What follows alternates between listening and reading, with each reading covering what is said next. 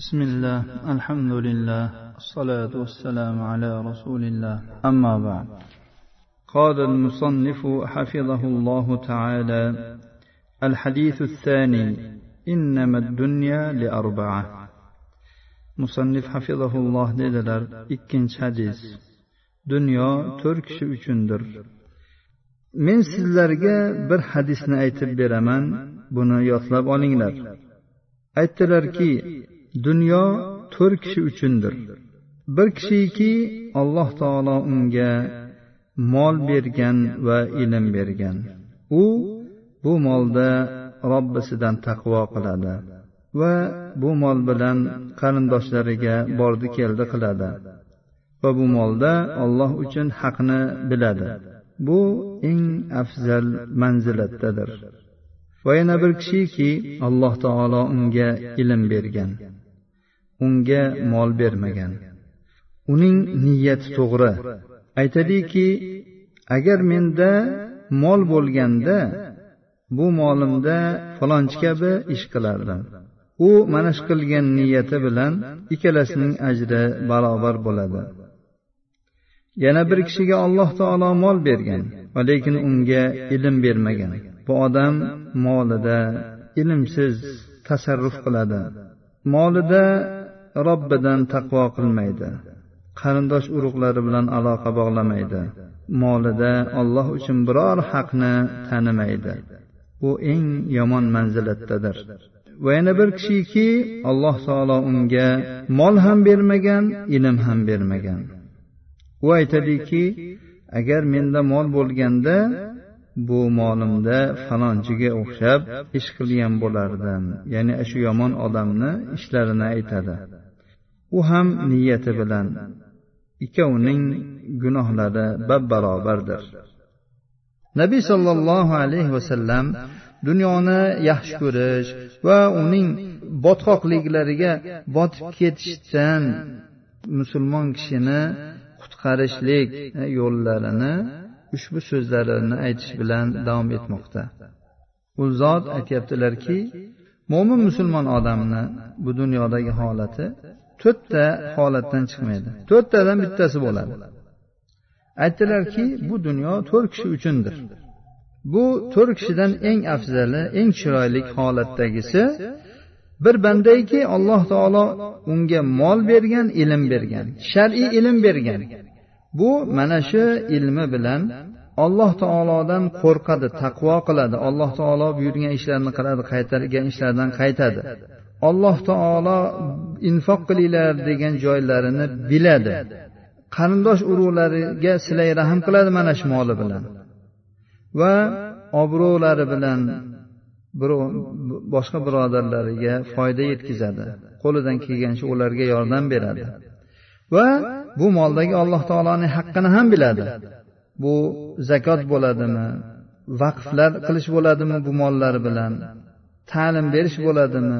Umuman qaysi bir yaxshilik yo'li bo'ladigan bo'lsa albatta mana shu molidan sarflaydi ana shu yo'llarga. Bu odam eng afzal manzilatdagi odam. Alloh taoloni oldida eng darajasi baland odam mana shudir. Rasululloh sollallohu alayhi vasallam ushbu qisqa so'zlar bilan mo'min kishining bu dunyodagi tutadigan o'rni va u bu dunyoni oxirat uchun bir ziroatgoh qilib olishligini bayon qilib bermoqdalar. Bu bilan mo'min odam dunyoni ham kasb qiladi oxiratni ham kasb qiladi. Dunyodan ham quruq qolmaydi oxiratdan ham quruq qolmaydi. Islomga xizmat qiladi. Ulamolarni hurmat qiladi. Faqir miskinlarga yordam beradi. Qarindoshlariga qo'shnilariga yaxshilik qilib ular bilan chiroyli aloqalar qiladi. Va islom olamidagi tang holatlarni bartaraf qilishda o'z hissasini qo'shadi. Uzoq bo'lsin yaqin bo'lsin musulmon mo'min birodarlarini g'amlarini artishga harakat qiladi. Va alloh taolo unga bergan molida mo'tadillik bilan va hikmat bilan tasarruf qiladi. Alloh taoloni rozi bo'ladigan yo'llarida mollarni infoq qiladi. Uning moli u uchun toat ibodatga ko'makchi bo'ladi va ajrni kasb qilishga bir vosita bo'ladi. Mo'minning boyligi xuddi usmon ibn affon abdurahmon ibn avf abu bakr siddiq roziyallohu anhuning boyliklari kabi bo'ladi.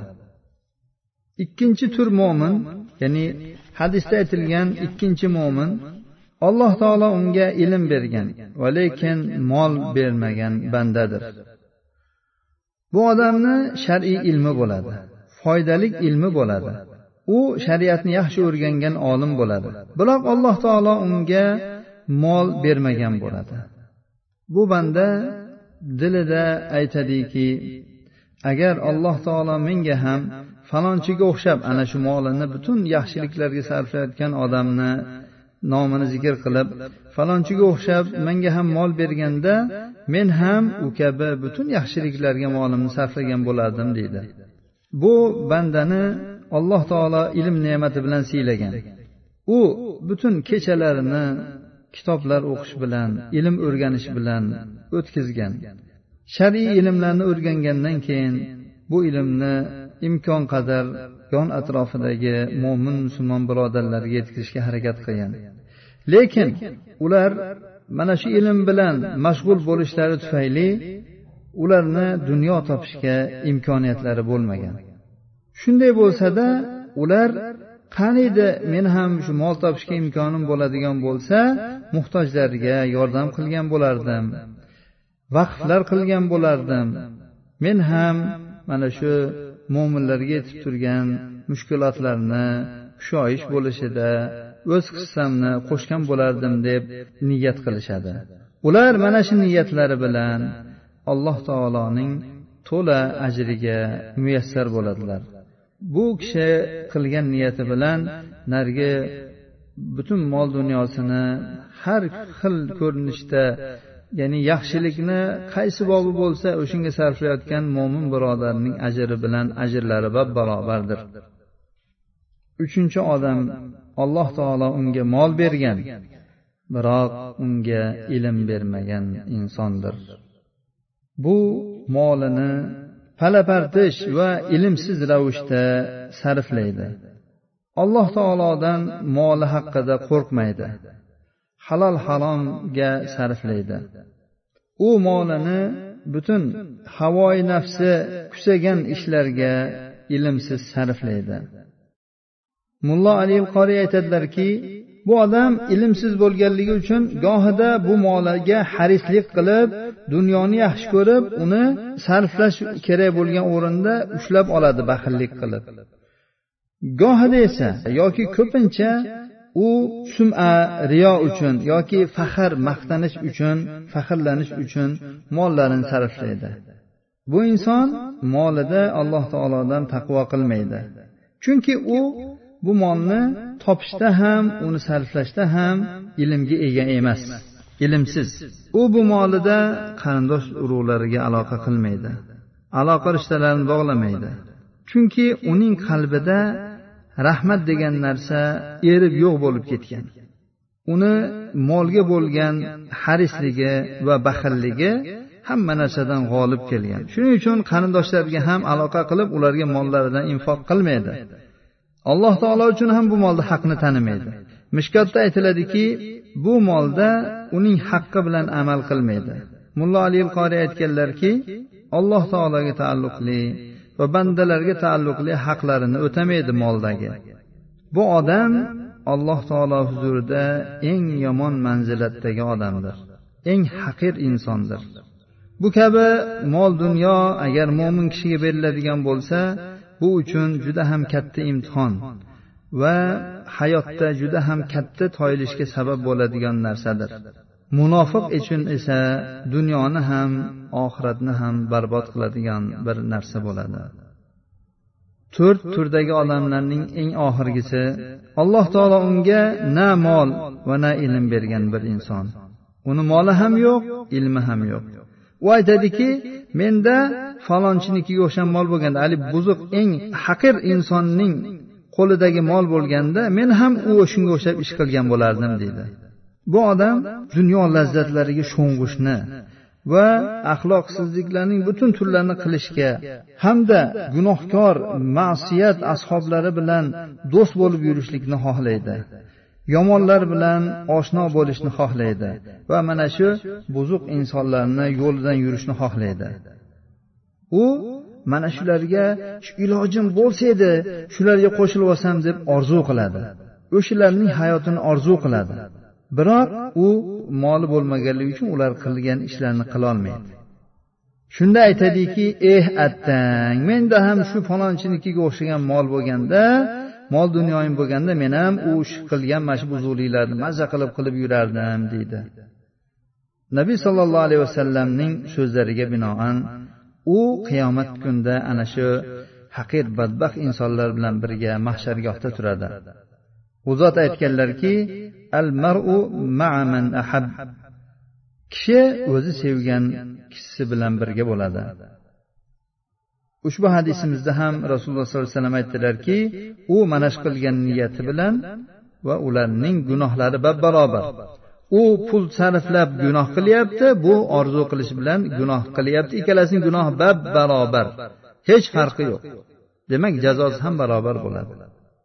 Demak biz bu hadisdan tushunishimiz lozim bo'lgan narsa birinchisi badavlat mo'min kishining vazifalari moli bilan alloh taolo buyurgan qarindosh urug'lari bilan aloqa bog'lashi va bu moldagi alloh taoloning haqlarini tanishi ekan va bu molni yaxshilik yo'llarida sarflash. Tolib ilmlarga sarflash bo'ladimi? Ularga kitob olib berish bo'ladimi? Madrasalar qurish bo'ladimi? Masjidlar qurishmi? Yo'llar qurish? Va hokazo ya'ni qanday bir yaxshilik ishlari bo'ladigan bo'lsa shularga sarflash kerak bo'ladi. Ikkinchisi olim odam agar mol dunyoga ega bo'lmaydigan bo'lsa ollohning yo'lida infoq qilish uchun mol topishga harakat qilishi va topayotgan molidan bir ulushini tejab alloh taoloni yo'liga sarflayman deb harakat qilishi va boy bo'lishni orzu qilishi ayb emas ekan balki joiz ekan. Ushbu hadisimizdan oladigan foydalarimiz. Birinchisi hadisimiz dunyoni yaxshi ko'rishni kamaytirish va dunyoga nisbatan mo'tadil bo'lish. Dunyoda infoq qilish bo'ladimi mol topish bo'ladimi bularni hammasida mo'tadil bo'lishga chaqirmoqda.